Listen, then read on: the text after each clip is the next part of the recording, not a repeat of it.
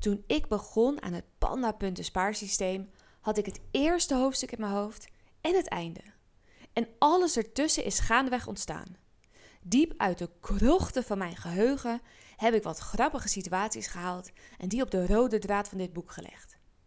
En tijdens het schrijven leerde ik de karakters Teddy, Maartje en Suzanne steeds beter kennen. En naarmate ik de karakters beter leerde kennen, kreeg het verhaal ook meer vorm. Voor mij was het één grote ontdekkingsreis, want ik had nog nooit eerder een boek geschreven. Wel veel artikelen en blogs, maar dan wist ik eigenlijk vooraf al wat de strekking was en hoefde ik het alleen maar helder op te schrijven. En een boek. Ja, dat, dat is toch andere koek. Als kind las ik al tien boeken per week en droomde ik er ook al van om ooit auteur te zijn. Ik dacht, ik moet gewoon even een goed verhaal verzinnen en dat dan opschrijven. Easy. Maar het moet wel net zo goed zijn als al mijn favoriete boeken. Oké, no pressure. Dus ik wachtte en wachtte en wachtte tot dat geniale verhaal me een keer te binnen zou schieten. Maar zo werkt het natuurlijk niet. Een verhaal is er niet zomaar. Dat ontvouwt zich. Dus ik moest gewoon beginnen met vertellen. En toen ik eindelijk begon met het schrijven van het panda-puntenspaarsysteem, formuleerde ik ook eerst altijd kleine stukjes in mijn hoofd en schreef het daarna op.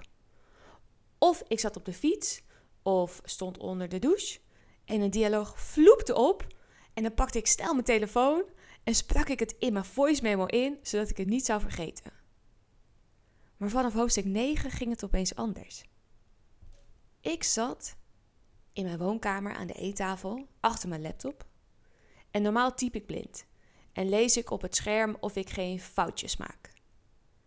Maar nu namen mijn handen het compleet over. En ik las mee op het scherm nou, met het verhaal dat mijn, mijn handen vertelden. En ik was oprecht verbaasd. Huh? Overal bloed. Wat is er gebeurd? Opeens zijn ze bij de EHBO. Waar komt dit vandaan? Het was bijna alsof ik een soort out-of-body ervaring had. Het was echt, ja, opeens was het mijn hele lichaam die het verhaal vertelde. Ik heb trouwens ook nog een aantal schrijftechnieken geprobeerd. Bijvoorbeeld het effect van verschillende typen drugs. En daarvan kan ik zeggen, dat was altijd op het moment van schrijven geniaal.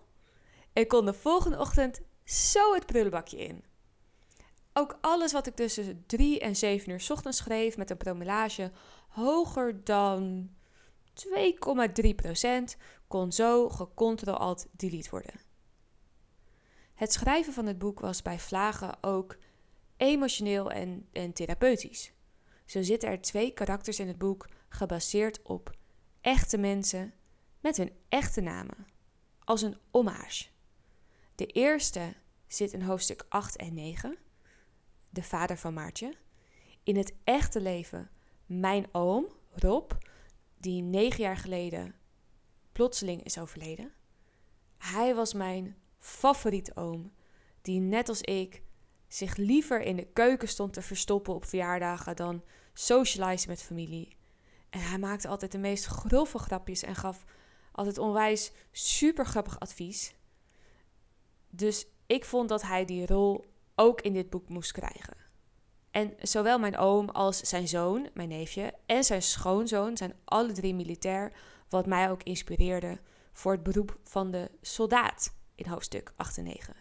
Een ander belangrijk persoon in het boek ontmoeten jullie in hoofdstuk 12. Ook zij speelt een hele belangrijke rol in mijn leven. En dat is mijn neuroloog Marieke. Waarom ze zo belangrijk is, daarover vertel ik meer uh, in hoofdstuk 12. Dan hebben jullie wat meer context. Maar ik kan wel zeggen dat het een onderwerp is waar ik niet vaak of uh, makkelijk over praat. Schrijf erover was voor mij een, uh, een eerste stap.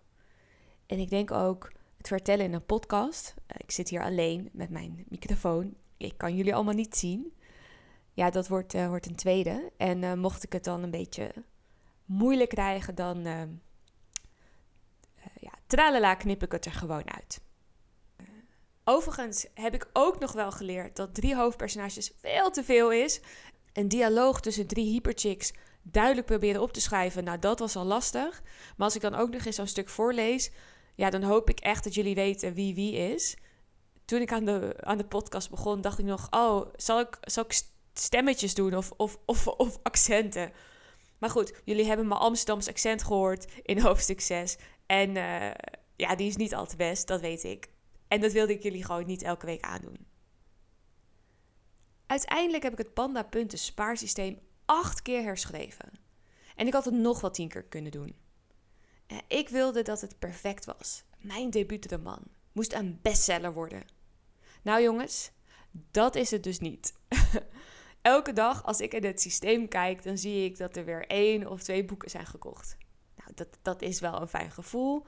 Maar met de royalties van een euro per boek sta ik nog steeds in de min vanwege alle uitgaven die ik heb gedaan om dit boek zelf uit te brengen. Dus als je nou plezier haalt uit deze podcast, doe mij dan ook een plezier en bestel gewoon even mijn boek. Of tip mijn boek bij iemand anders. Geef het cadeau aan, aan iemand die veel te veel pannenpunten heeft gespaard tijdens de corona-lockdown. Of, of misschien iemand die gewoon wat veel goed kan gebruiken. Het Panda-punten spaarsysteem is te bestellen via mijn site hetpanda.spaarsysteem.com of via bol.com, eh, Bruna of uh, jouw lokale boekenwinkel. En de linkjes staan ook allemaal op mijn site. Oké, genoeg promotie. Naast dat het Panda.spaarsysteem een eigen verhaal is, is het natuurlijk ook onderdeel van mijn verhaal. Het is mijn eerste stap als een gepubliceerd auteur. En het heeft geleid tot deze podcast.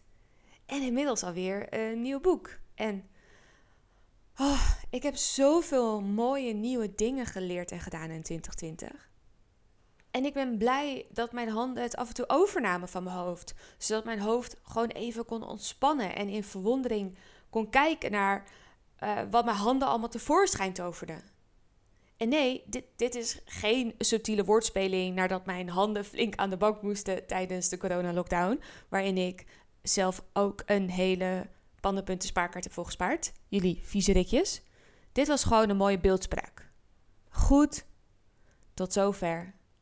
Tot volgende week.